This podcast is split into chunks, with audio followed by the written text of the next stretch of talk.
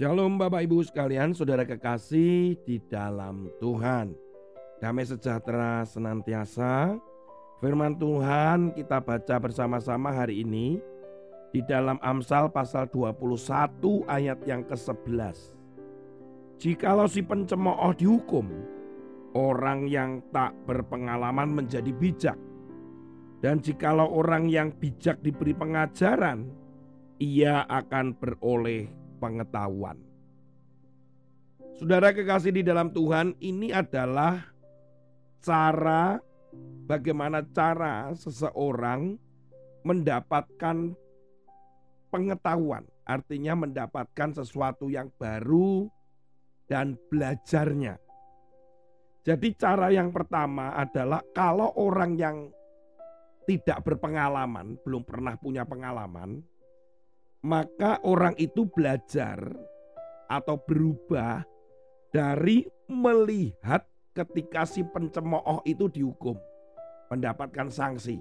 Oh, ternyata kalau begini kemudian orang itu ternyata mendapatkan sanksi atau hukuman. Dan orang yang tidak berpengalaman itu akan belajar dari apa yang dilihat. Yang kedua, adalah kalau orang itu sudah bijak. Kalau orang itu sudah bijak, tidak perlu melihat orang yang dihukum. Tetapi kalau orang ini sudah bijak, cukup diberi pelajaran saja, cukup diberitahu, maka dia sudah bisa mendapatkan pengetahuan itu. Jadi ada dua cara seseorang itu belajar menurut kitab Amsal. Sebenarnya di dalam dunia ini banyak di antara kita itu belum punya banyak pengalaman.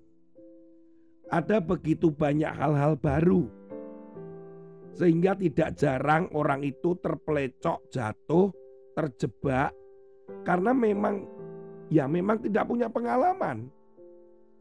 Seandainya dia membuka mata, seandainya kita itu melihat kejadian demi kejadian karena perbuatan-perbuatan yang itu salah, ya karena kita ini yang tidak berpengalaman bisa belajar dari peristiwa itu. Nah, gitu.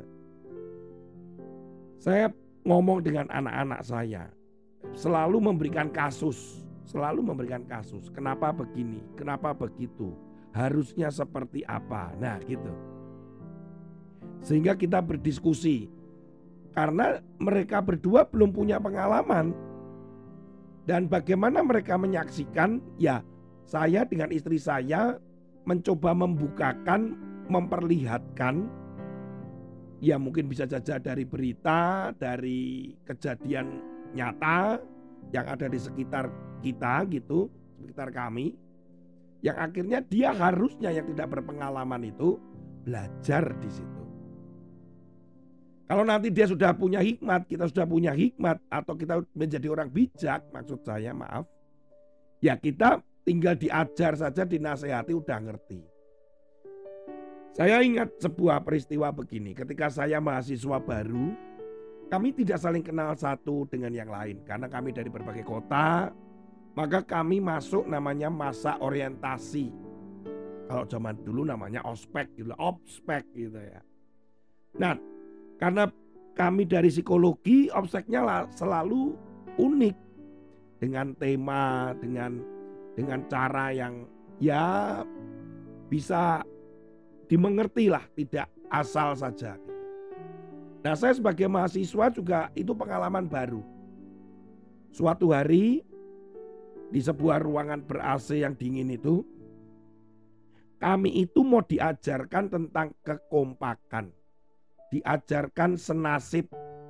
Kami diajarkan untuk saling menolong, mendukung. Kami mau diajarkan untuk bisa saling empati dengan yang lain.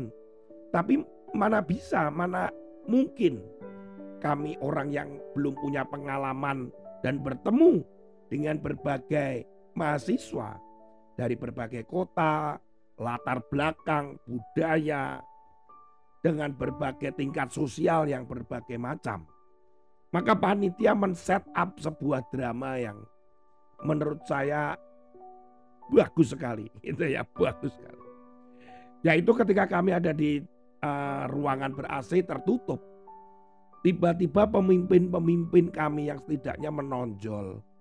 Mereka yang cukup ya bukan provokatif sih sebenarnya. Mereka yang interaktif, uh, smart, uh, bisa memimpin dan lebih unggul lah gitu secara uh, kepemimpinan. Tiba-tiba satu persatu mereka uh, dipanggil kemudian dibawa pergi oleh panitia. Saat itu suasana tegang. Kami seperti uh, orang yang tidak ada pemimpin karena pemimpin-pemimpinnya orang-orang yang aktif itu sudah tidak ada lagi.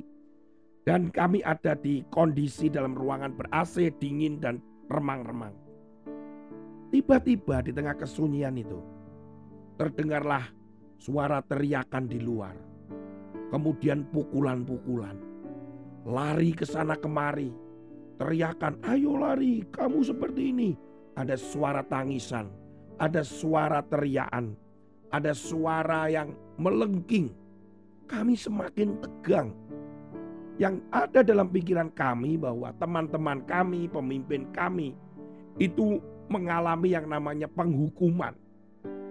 Mereka mengalami sebuah penderitaan karena sebuah kesalahan yang sebenarnya itu kami lakukan bersama-sama.